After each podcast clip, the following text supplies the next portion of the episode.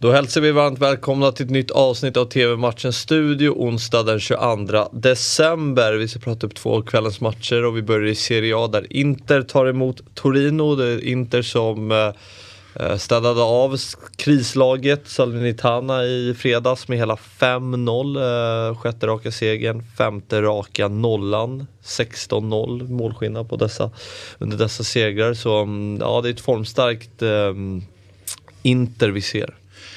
Ja, det måste man säga. Det känns ju, jag, jag, jag ogillar ju väldigt mycket det här uttrycket, ett, ett självspelande piano. Men just för, för, det, för det, om inte annat så tar det ju eh, väldigt många eh, liksom arbetsinsatser innan man kommer fram till det självspelande pianot. Men det, jag menar, först hade vi eh, Contes liksom tränarinsats, nu har vi Simone Inzagis tränarinsats. Men eh, det, det, det, det är inte mycket som går fel när inte är på fotbollsplan i ligan då kanske vi ska tillägga. Ja, så det, så att, eh, det är väldigt imponerande. och eh, ja, men, Det känns ju som att varenda spelare i laget kan göra mål, bara en sån sak. Mm. Liksom. Det är inte liksom att aha, Lukaku ska göra 50 mål utan det, det liksom är en målmaskin. Mm. Ja precis och uh, om vi tar Inzagis tränargärning här, mm. ser man bättre ut Inter än under Conte?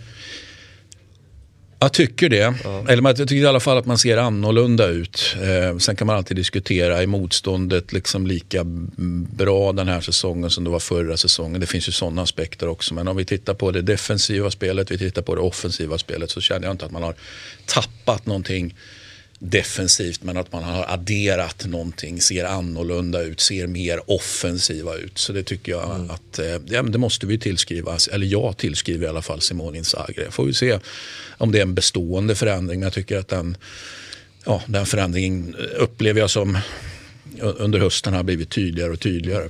Sen kanske man inte ska underskatta Contes arv heller. Att det finns saker som Conte gjorde som mm. ligger kvar. Ibland tycker ja, jag man ja. pratar lite för lite om det i fotbollen. Att så här, ja, ja, men det är tidig... rimligt att defensiven är ett arv från Conte. Och, uh, ha, liksom, och den går ju att förstöra. Mm. Så det är möjligt att vi, vi kanske får en vår när Simone Inzaghi då liksom har fått jobba tillräckligt mycket och förstör Contes mm. defensiv. Mm.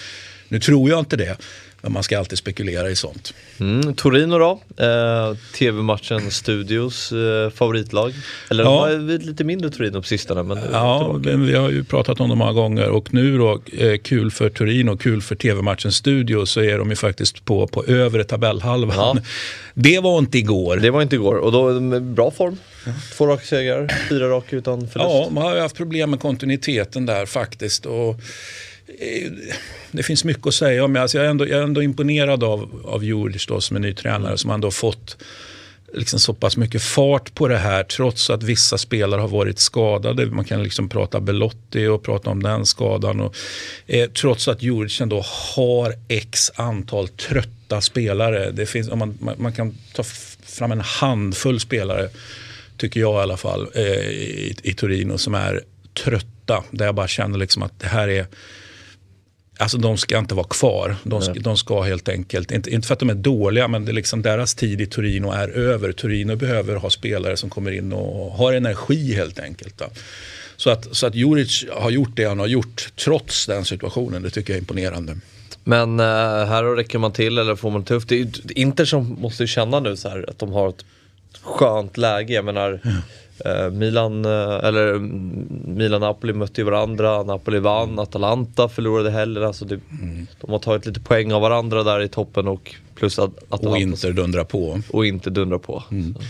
Ja, det är ju en match som den ska ju egentligen bara kunna sluta med, med, med hemmaseger. Ehm, så att, och, det, och det tror vi ju att den gör också. Det, jag, jag känner att man är att Torino ändå är för trubbiga framåt. Mm. Sanabria till exempel, det är ju han som, ja, det är ju han som nu, alltså när Belotti är skadad. Fast med det sagt, när Belotti väl har spelat så har ju han varit ganska trött måste jag säga. Så att, eh, så att det liksom målskyttet uppfattar jag ändå som ett, som ett tydligt problem mm. i Torino. 18.30 startar matchen och ni ser den på Simor Live 2. Uh, nu till Ligue Ö och ett klassikermöte mellan Saint-Étienne och Nantes. Det är uh, Saint-Étienne med 10 ligatitlar mot Nantes som har 8 ligatitlar i Ligue Ö. Så det är um, Förpliktigar. Ja, hur, det är så märkligt att Saint-Étienne har flest ligatitlar i Frankrike på 10. Tycker du det? Nej, nej, men på endast 10 stycken. Mm. Alltså hur... Det, det är ändå... Hur är det möjligt? ja, men... Ja, nej, men så är det ju. Det finns ju, finns ju liksom såklart. senare så säga, storheter då där PSG då är liksom förhållandevis sent bildat mm. och så vidare. Ja. Lyon steppar upp i ett visst läge, tar sina sju raka. Så att, så att det är en fascinerande så att säga, fotbollshistoria den franska och, ja. och den franska ligahistorien. Mm, jag älskar den. ja, och uh, sånt igen går ju tufft. Har fyra raka förluster och ligger sist i liga. Det... Och eh, självklart då så åkte vi på tränarbytet här nu. Det, det var ju föga överraskande. Mm. Det kunde inte hålla på så här. Det, det, det, det, liksom, det bara fungerar inte. Och, ja, om de kan vända det här, det, det jag vet inte. Jag, tidigare har jag sagt liksom att jag menar, du benämner dem själv som en, som en klassiker. Alltså de ska, det ska inte gå att Santian är så här dåliga. Men, men ja, det är de ju.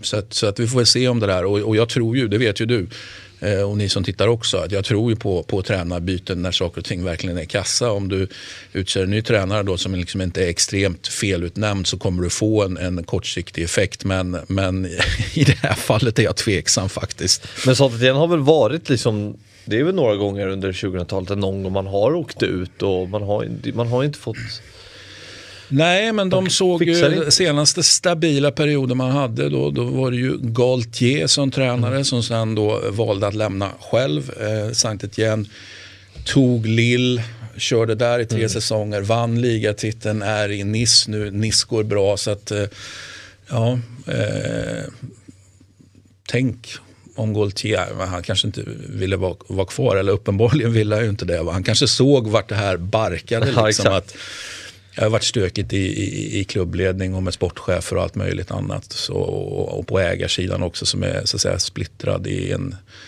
en trio som äger. Så att det finns mycket att Ja, det, det, kanske har fungerat tidigare men det fungerar inte nu i alla fall. Det kan vi konstatera. Hur går det ikväll då? Ja, det är... Mm, nej, alltså det, jag, jag tippar Nant liksom. Med det sagt är inte jag jätteimponerad av Nant men saint Etienne är så bedrövliga just nu. Alltså helt befriande från alltså, självförtroende finns ju, det är ju nere på noll eller på mm. minussidan. Mm.